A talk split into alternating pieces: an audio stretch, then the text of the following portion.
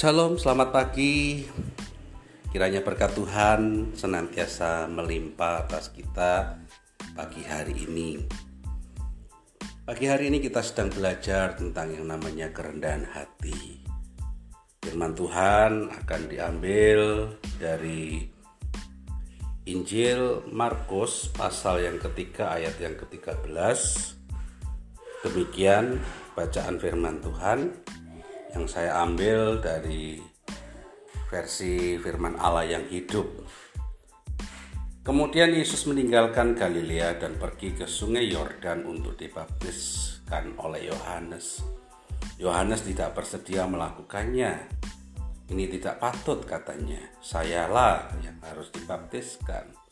Tetapi Yesus berkata, "Baptislah aku karena aku harus melaksanakan segala yang benar."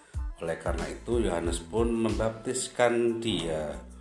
Segera setelah Yesus dibaptiskan dan keluar dari air, langit terbuka dan Yohanes melihat roh Allah turun ke atasnya dalam rupa seekor burung merpati. Dan suatu suara dari langit mengatakan, Inilah anakku yang kukasihi dan aku sangat berkenan akan dia. Saudara-saudara yang dikasih Tuhan, kita belajar dari prinsip Yohanes dan Yesus. Yohanes sebagai orang yang terkenal pada waktu itu, dia melakukan panggilan sebagai kenabiannya untuk menobatkan banyak orang dan pekerjaannya adalah membaptiskan, membawa mereka ke dalam kerajaan Allah. Suatu hari Yesus datang kepadanya dan memohon untuk dibaptis. Yohanes tahu bahwa Yesus bukan orang sembarangan. Dia mulai berkata, "Tuhan, Tuhan, aku tidak layak membaptis kamu." Ini suatu sikap rendah hati yang luar biasa. Karena yang dihadapi oleh Yohanes adalah orang yang rendah hati juga. Seorang yang luar biasa, seorang yang hebat, mau merendahkan diri. Sehingga ketika rendah hati ketemu dengan rendah hati yang terjadi adalah satu respect, respon untuk saling melayani. Ketika seorang yang rendah hati ketemu dengan rendah hati yang terjadi adalah satu keindahan di mana sama-sama menyanjung, sama-sama memberikan uh, hormat tidak ada satupun dari mereka yang menganggap siapa yang lebih tinggi. Namun yang menjadi sesuatu dasar adalah ketika Yohanes Pembaptis melihat Yesus dia sangat respect, dia sangat hormat dan dia mengatakan aku tidak layak.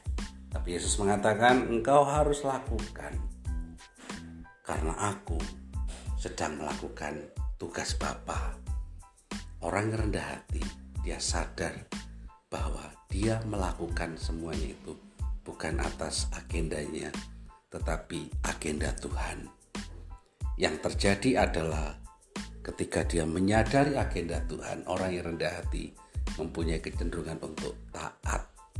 Taat artinya dia merendahkan, menundukkan segala keangkuhannya, keegoannya untuk melakukan sesuatu yang luar biasa, yang terbesar, yang menjadi pesan Tuhan, yang menjadi mandat Tuhan dalam dirinya.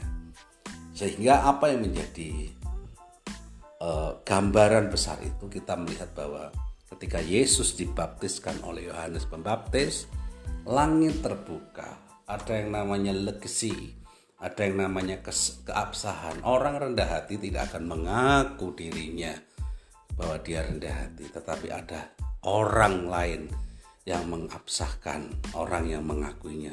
Ketika langit terbuka, Tuhan mengatakan dari langit, inilah anak yang kukasih, kepadanya aku berkenan. Keabsahan inilah yang membuat sesuatu luar biasa dalam kehidupan orang-orang percaya. Oleh sebab itu, rendah hati bukan sesuatu hal yang sederhana, tetapi keputusan untuk melakukan segala sesuatu atas kesadaran karena kerendahan hati bukan pengakuan diri sendiri, tetapi kerendahan hati adalah pengakuan dari orang dan Tuhan yang empunya segalanya.